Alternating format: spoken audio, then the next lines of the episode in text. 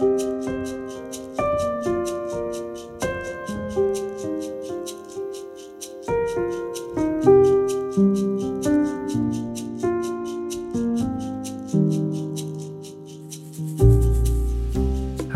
du lytter til Spires pod, og navnet mitt er Vidar Mæland Bakke.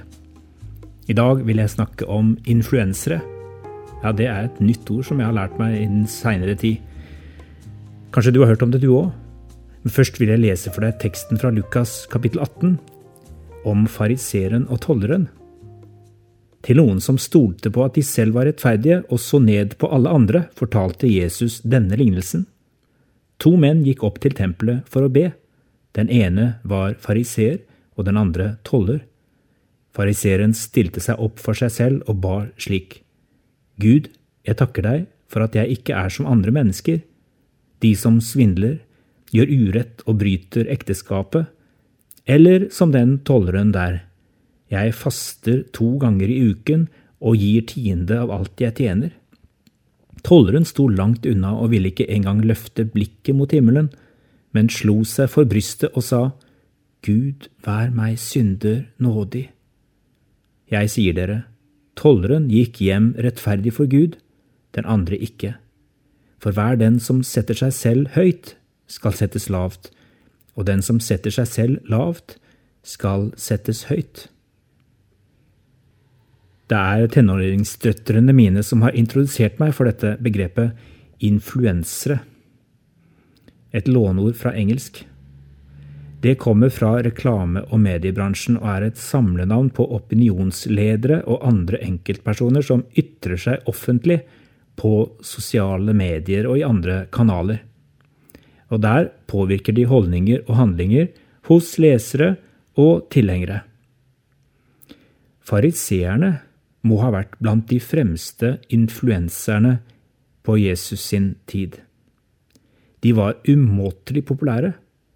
Mens andre religiøse ledere holdt seg mest med eliten, var fariseerne ute blant vanlige folk og forsøkte å gjøre budskapet relevant og tilgjengelig.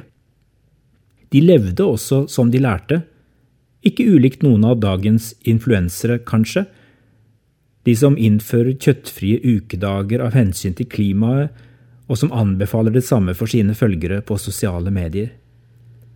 Jeg kan ikke skryte på meg å være en populær influenser av fariseernes kaliber. Det er strengt tatt ikke mange av dagens prester som kan vise til den folkelige oppslutningen fariseerne hadde i sitt samfunn. Det er derimot en balansekunst å skrive og mene noe om verdispørsmål uten noen ganger å tråkke over og fremstå moralistisk og dømmende overfor andres livsvilkår og valg. Det har jeg helt sikkert gjort. Jeg har tråkket over, og noen er blitt tråkket på. Det er på grunn av Jesus at ingen i dag forbinder noe særlig positivt med ordet fariser. For denne religiøse gruppen ble skyteskive nummer én i lignelsene og talene hans. Kanskje var det mest fordi de ofte var til stede og fulgte nøye med på det han sa og gjorde. Han anklaget dem for å misbruke sin makt og innflytelse til å fremheve seg selv på andres bekostning, og de dro religionen med i prosjektet. Jesus tok ikke hensyn til folkets popularitetsbarometer.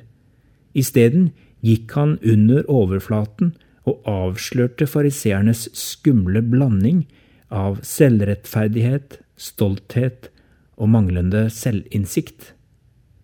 I sitt brennende engasjement for den gode sak fokuserte de for mye på synlige ytre handlinger og prestasjoner, mindre på de indre verdiene, alt det som ikke syns, men som alle de gode og rette handlingene tross alt bygger på. Tollerne var en gjennomkorrupt yrkesgruppe på Jesus sin tid.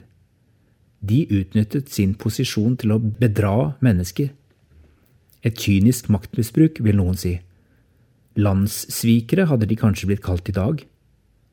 Denne foraktede gruppen som de færreste jøder ville ha noe med å gjøre, hadde Jesus et kjærlig øye for.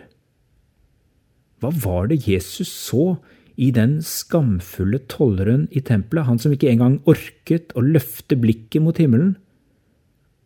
Han så en tilstand som manglet hos den mer populære fariseeren i rommet.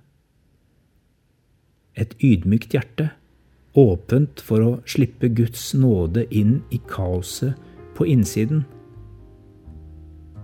Influenseren Jesus misbruker aldri sin innflytelse til å tråkke et menneske ned. Når han virkelig slipper til hos oss, da løftes vi varsomt.